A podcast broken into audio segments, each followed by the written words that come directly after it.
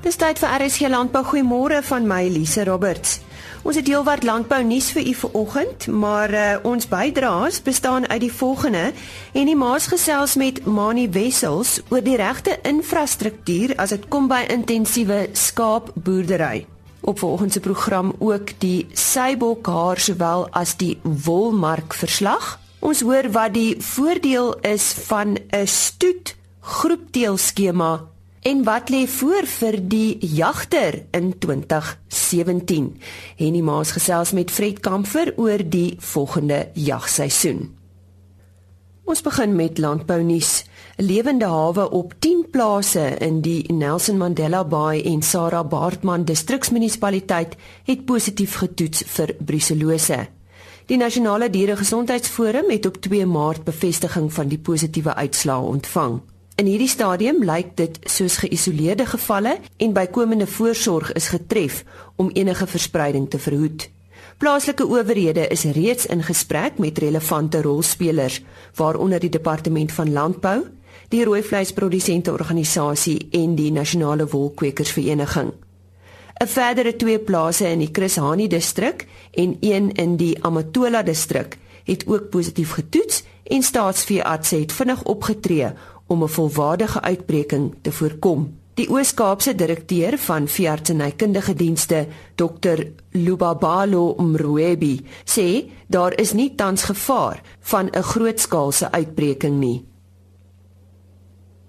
In die Agbus en Industriële Ontwikkelingskoöperasie se landboubesigheidsvertrouensindeks het met 2 indekspunte verbeter gedurende die eerste kwartaal van 2017.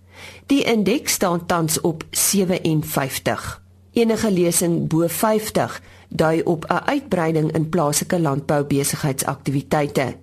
Die sleuteldrywers onder die 10 subindekse wat die vertrouensindeks opmaak, was omset, netto besigheidsinkomste, werkverskaffing, ekonomiese groei en landbouomstandighede. Die algemene verbetering wat in hierdie subindekse ervaar is, is in lyn met positiewe verwagtinge vir die nuwe produkseisoen. Die afname in ander subindekse is 'n aanduiding van die naderdraai van die afgelope El Niño gedrewe droogte, asook onsekerheid oor die grondhervormingsprosesse in die land. Ons uh, gaan nou gesels met Mani Wessels. Uh, hy is 'n bekende wanneer dit kom by uh, intensiewe skaapproduksie. En ons praat met hom oor die infrastruktuur vir intensiewe skaapproduksie. Uh manie as mens nou kyk na 'n uh, basiese infrastruktuur, uh, hoe sou jy dit benader as jy so 'n uh, infrastruktuur moet skep? En ek dink as jy die beplanning begin doen, behoort jy begin by die lamholke wat basies die kern vorm van die hele operasie uh en die lamhokke dit afhangende van jou jou grootte van jou kudde uh om dan basies infrastruktuurkoste te bespaar kan jy jou in jou kudde opdeel in 8 groepe wat dan elke maand lam. Dit gaan dan basies die grondslag lê van die grootte van jou infrastruktuur. Vanaf jou lamhokke as 'n mens na die totale projekplan kyk het jy 'n plek nodig waar jy oeye gaan voorberei vir spons. Dan het jy 'n fasiliteit nodig, 'n kraal en hanteringsfasiliteite waar jy die oeye dan kan hanteer. Jy het 'n fasiliteit nodig waar 'n spesifieke groep uitgehaal word en voorberei word vir lam. Dan soos wat ons gesê het, die lamhokke as 'n fasiliteit en dan het jy twee fasiliteite nodig waarin jy die ooe na toe vat. Die ooe met 1 maand oud lammers en dan die ooe met 2 maand oud lammers. Verkieslik moet hierdie twee groepe afsonderlik loop omdat die om die kompetisie binne hierdie groepe uit te skakel. 'n Verdere fasiliteit wat jy nodig het is 'n voerkraal. 'n Voerkraal jy ook op te deel om dan ooe en lamme uh uh uh, manlike en vroulike diere te skei van mekaar af, maar ook groot en klein lammers te kan skei. Jy het 'n uh, eh, fasiliteit nodig vir ramme om jou ramme apart te kan hou as ook waar jy jou jong oeye laat uitgroei. En dan uit die afsien saak het jy 'n hospitaalkamp nodig wat baie krities is want siek diere moet verwyder word uit die groepe uit en dan een kant amper in 'n kwarantainarea uh, gehou word totdat hulle herstel en uh, waar jy hulle kan behandel. Ander basiese strukture wat jy nodig het, jy het 'n plek nodig om jou voer te kan hou waar jy jou voer kan droog hou. Jy het 'n medisynekamer nodig.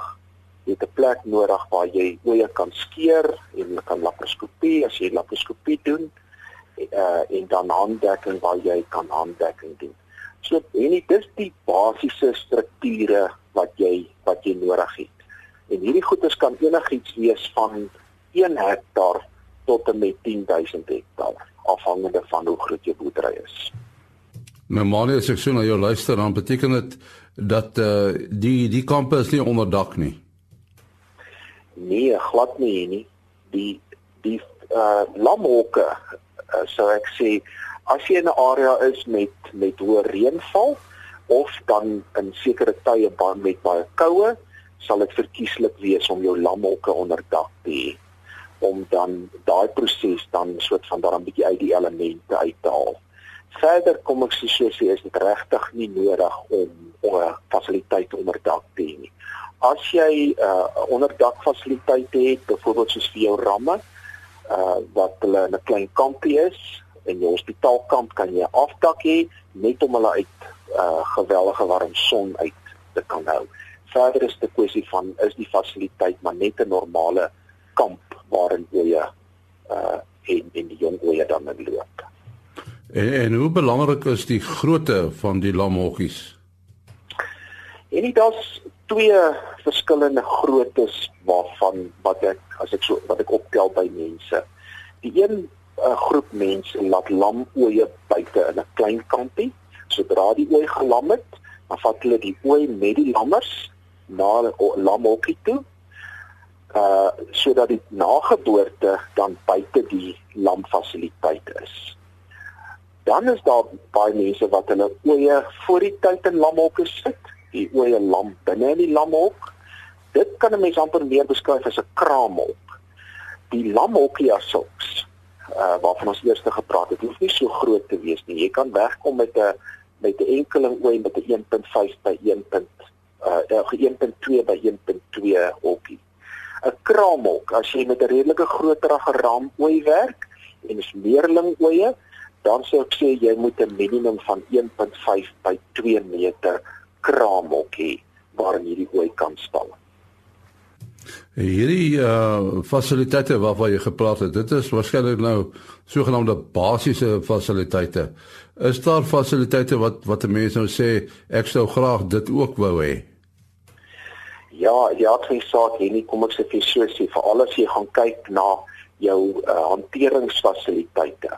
Daar's vandag baie moderne uh, toerusting beskikbaar met wat elektronies werk, elektroniese uh, uh, skale, klassifikasieringsgoed en en baie baie boere het skaf hierdie aan om arbeid te bespaar wat natuurlik baie uh, behulpsaam is en dis 'n kwessie van en by die hele proses van die van die prosesering van die skape dan versnel.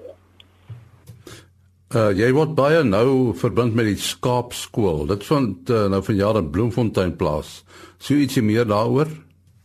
Ja, en ons hou weer 'n skaapskool die 18de tot die 20ste April by die Universiteit van die van die Vrystaat. Uh die normale onderwerpe wat ons hanteer is dan uh maar die dele ding van fasiliteite. Ons skryf vir uh uh veearts om te praat oor gesondheid. Ons het voedingskundiges wat gaan praat oor voeding in 'n intensiewe proses. Ons gaan praat oor finansies en 'n onderwerp wat ons vir jaar bygesit het, uh, ons gaan ook praat oor veiding en die inskakeling in die voervloei program rondom sekere veidingsgewasse. Omdat dit deel is van skaapboerdery in Suid-Afrika, uh om dit in te bring in die voervloei program. So ons het ons het kundiges wat ook oor veiding gaan gesels vanjaar. En uh as mense dit wil bywoon, wat moet hulle doen? En nie, hulle kan uh vir dit uh, Tian skakel. Alhoewel die skaapskool is reeds vol bespreek, Daar's 160 sitplekke. Ons is 2 maande voor die tyd reeds vol bespreek, maar die aard van die saak is dit kwessie van kan jy jou aansoekvorm invul en as daar 'n uh, kansellasie is, dan sal ons jou graag wil akkommodeer. Uh dis uh, jy kan by e-pos kontak by tian@vplaas.co.za.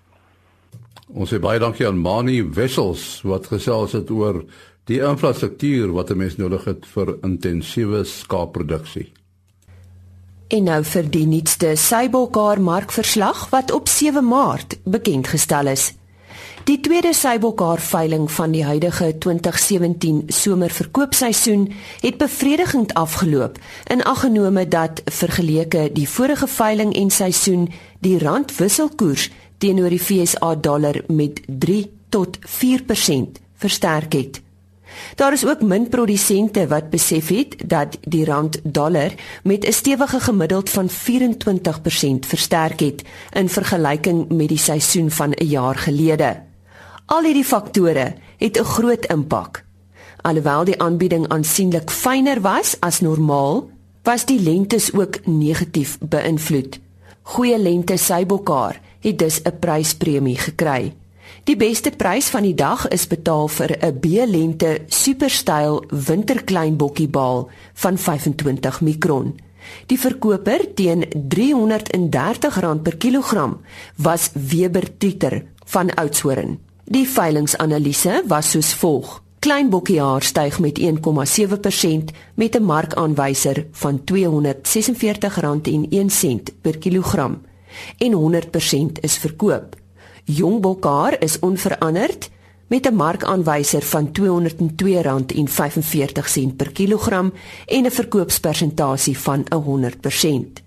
Groot bokhaar daal met 1% met 'n markaanwyser van R164.72 per kilogram en 'n verkoopspersentasie van 100%. Dit het die totale verkoopsyfer op 100% te staan gebring met 'n markaanwyser van R188.27 wat onveranderd is.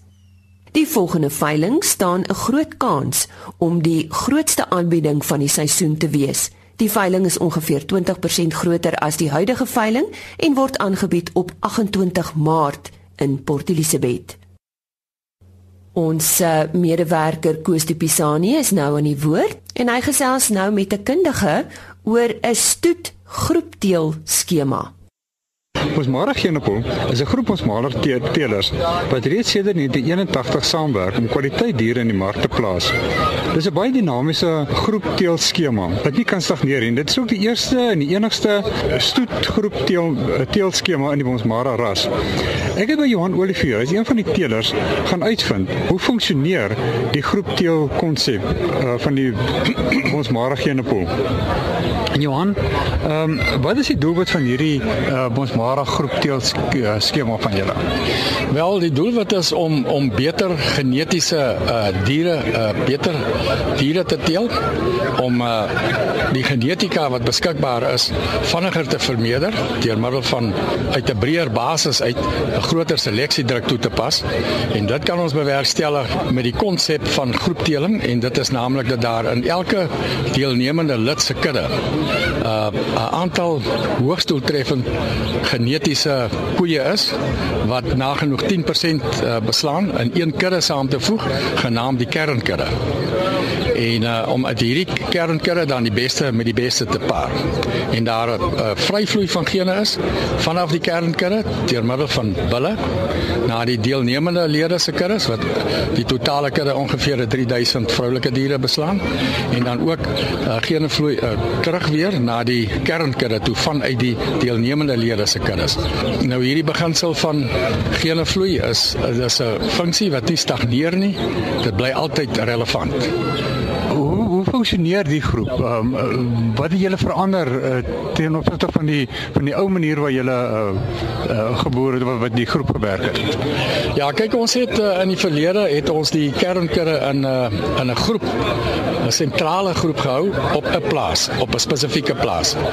Maar weens verandering van omstandighede, dit sluit nou in die droogte, dit sluit in die nie beskikbaarheid van 'n geskikte plaas met geskikte fasiliteite om stoetboere boerdery op te beoefen nie en die ekonomie van die saak het ons baie onlangs nou tot die stap oorgegaan om die kernkudde te versprei na die vyf lede toe in vyf satellietkuddes toe. Dan het ons uh nog steeds wil ons dieselfde voordeel trek met met ander hulpmiddels wat ons gaan gebruik. Nou watter ander hulpmiddels verwys jy na? Ja, ek uh, ek dink nou spesifiek aan dat ons uh, ons sit nog steeds die totale kudde se bestuur word nog steeds sterk gesinkroniseer. Met ander woorde, dekdatums, kalfdatums, al die relevante goed soos wegings vir prestasie toetsing, metings, bepaling van die beste beraamde teelwaardes, gebruikmaking van genomika, geonomika wat nou ook reeds in die pipeline is.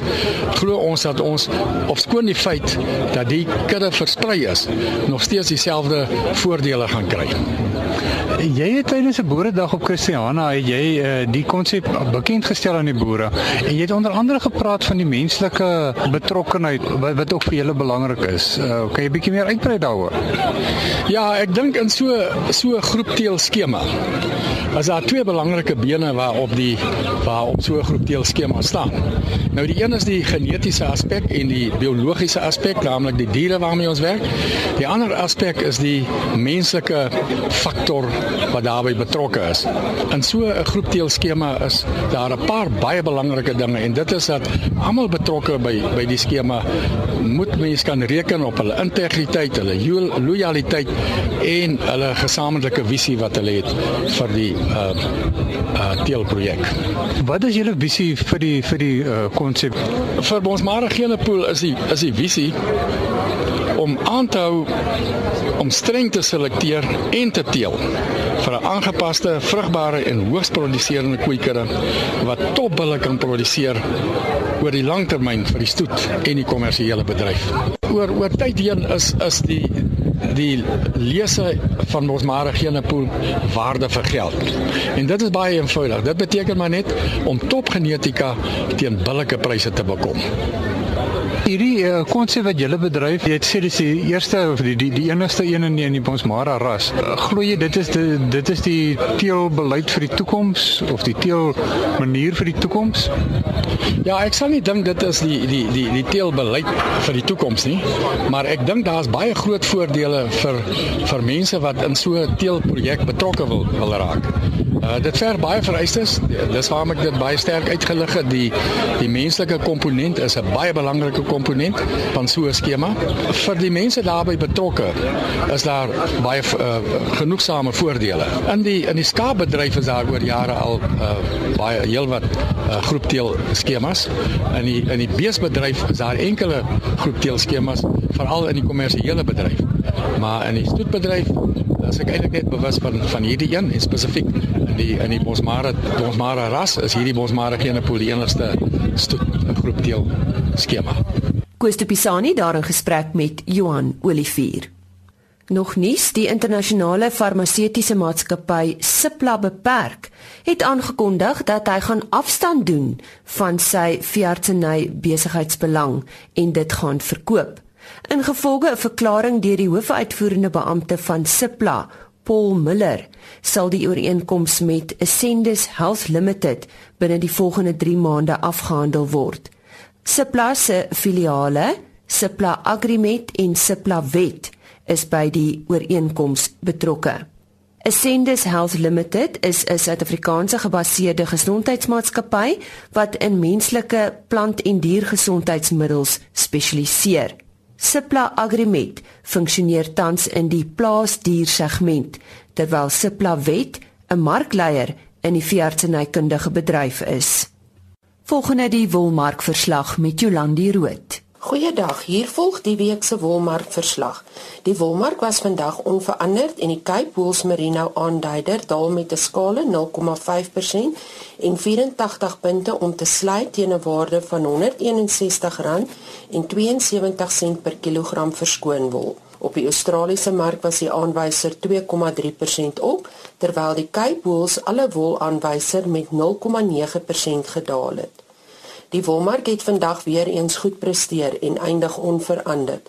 Fyner wol is steeds gesog en goeie pryse is behaal.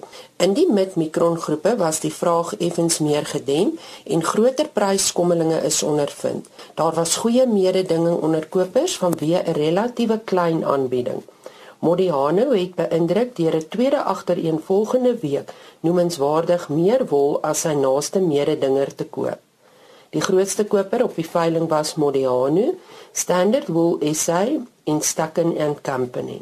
Die gemiddelde skoonwolpryse vir die seleksie binne die verskillende mikron kategorieë, goeie langkam woltipes was soos volg: 18 mikron neem toe met 1,7% en sluit teen R201.04 per kilogram. 18,5 mikron neem af met 0,3% en sluit teen R197.09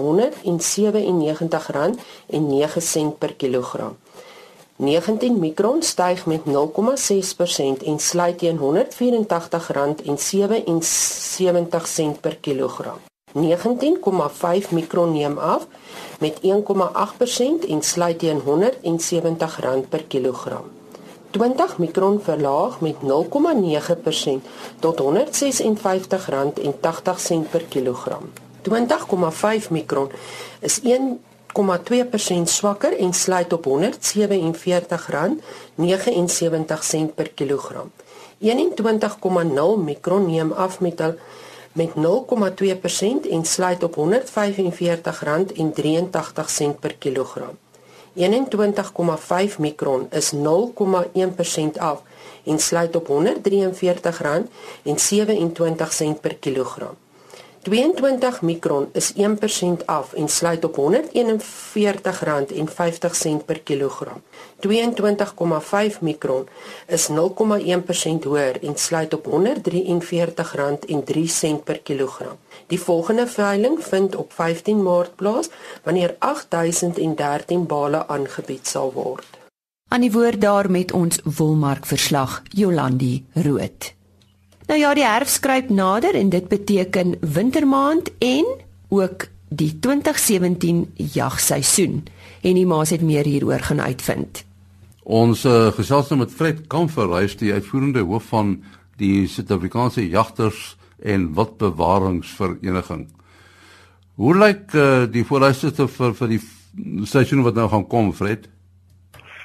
En nie um, ons weet op hierdie stadium dat daar dele van die land is wat redelik goed reën gekry het, maar as 'n mens kyk na die gedeeltes aan die ooste kant van die Karoo en die Oos-Kaap is dit steeds verskriklik droog.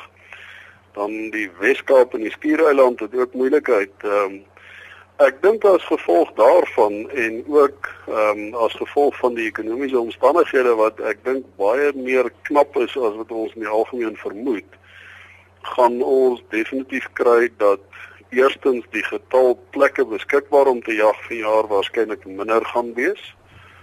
Ehm um, en aan die ander kant uh, dat ons lede ook net nie soveel geld beskikbaar gaan hê om te jag nie. Ehm um, ons moet nog maar 'n bietjie meer kieskeurig wees oor waar hy gaan jag en hoeveel hy gaan jag as gevolg van kontant beskikbaar.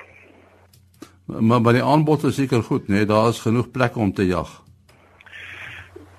daar is, maar 'n mens moet ook verstaan dat uh, na die droogte daar heelwat boere kan wees wat um, wild gaan terughou wat minder gaan laat jag of dalk ook nie gaan laat jag nie net om die wildstapel 'n bietjie te laat groei weer.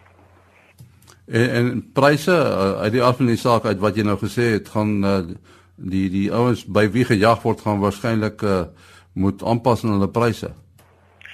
En nie ons vermoed dat pryse op gewone vlakte wild wat maar die meeste goedes wat gejag word deur ons lede baie naby aan gestabiliseer het. Uh, ons dink nogal die pryse gaan redelik naby dieselfde bly as wat dit verlede jaar was, dalk met kleiner aanpassings hier en daar. Ehm um, ons moet onthou as 'n mens kyk na die eerste veilings uh, resultate dat teelwild altyd duurder sal wees as as wild wat beskikbaar is vir jag. Uh maar selfs daarvoor sien ons dat pryse bietjie afgekom het vir gewone vlakte wat van verlede jaar af. Die uitsonderlike diere met spesifieke genetiese eienskappe, die sal altyd goeie pryse kry. Um op baie van die kleurvariante sien ons die pryse ook soms redelik drasties gedaal. En en plekke om te jag uh, in die land, watter plekke is nou baie geskik op die oomblik? Ehm um, ek dink die plekke waar um, ons goed reën gehad het, Noordwes, uh, dele van die Noord-Kaap, die Vrystaat, KwaZulu-Natal, Gauteng, uh, die noordelike provinsie Limpopo, ehm um, is die plekke waar daar relatief goeie jagplek beskikbaar sal wees in die Oos-Kaap. Dink ek 'n mens gaan slegs hierdie noordelike deel van die Oos-Kaap gaan 'n jagplek kry, maar die manne sê vir my as jy na die ver deel van die Oos-Kaap toe gaan, is dit bitter droog. Uh, Port Elizabeth en omstreke die sukkel. En uh Jansen wil se omgewing sê jy ons vir my die koedes vrek langs die draad. Hulle kan nie eers meer oorspring nie en die springbokke hang plek plek sommer aan die draad self waar hulle probeer deurgaan het omdat dit geweldig droog is nog daar. Ja, dis nou daardie gedeelte van die Karoo. Hoe lyk dit in die res van die Karoo waar die ouens ook deesdae nogal jag? Weet jy 'n groot deel van die Karoo het ook droog gehad. Ek het nou in die afgelope week gesels met ouens in byvoorbeeld die Aarse omgewing. Hulle het reën gehad, maar nie so goed as wat hulle graag sou wou hê nie. Sou dit later in die seisoen meer reën, dan dink ek 'n mens sal uh, beter jagplek kry, maar daar kan ook nog beperkings wees in in gedeeltes van die Karoo waar jy veral jou springbokke en dan ander vlakte wil ook kry. En en uitdagings wat die vereniging mee te doen het, uh byvoorbeeld vuurwapenlisensies. En die, die kry van vuurwapenlisensies en die hernuwing van lisensies, die bly maar altyd 'n redelike kopseer. Um, 'n Mens sou dink dat op hierdie stadium ons regering in staat behoort te wees om 'n behoorlike stelsel in plek te hê waarmee jy vuurwapenlisensies kan kry en hernie, maar die sentrale vuurwapenregister werk nog nie behoorlik nie. Daar's nog redelik baie probleme. Met die hernuwing van lisensies het dit so deurmekaar spul geskep dat ons uiteindelik die besluit geneem het om 'n hofaansoek te bring teen die minister van polisie op sekere van die aspekte en ons aansoek word op 25 en 26 April in die Hooggeregshof in Gauteng Noord aangehoor. Ja, ons sê baie dankie aan uh, Fred Kamferhuis, die uitvoerende hoof van is die Suid-Afrikaanse Jagters en Wildbewaringsvereniging. En nou kyk ons na die landboukalender. Op die 16de Maart is daar 'n rooi vleis werkswinkel by die uh, Landbou Navorsingsraad uh, kantoor in Pretoria. Die NWKV se Vrystaat Kongres vind van die 15de tot die 16de Maart op Brandfort in die Vrystaat plaas. En dan van die 19de tot die 21ste Maart van die Jeugskou in in die Wes-Kaap daar op George Plaas. Van die 22ste tot die 23ste Maart is die Gosa Simposium en jaarlikse algemene vergadering en dit vind op Mossel Bay plaas. 'n Water- en Klimaatkongres van van die 22ste tot die 24ste Maart plaas. daarmee die einde van landboukalender. Nog landbou nuus, die bekende landboumaatskappy Afgri het in Centurion bekend gemaak dat hy van voornemens is om die nasionale bank van Griekeland se aandeel in die Suid-Afrikaanse Bank of Athens beperk wil koop. Die transaksie is afhanklik van sekere voorwaardes en goedkeuring van die Suid-Afrikaanse Reserwebank die plaaslike minister van finansies en die kompetisieowerhede.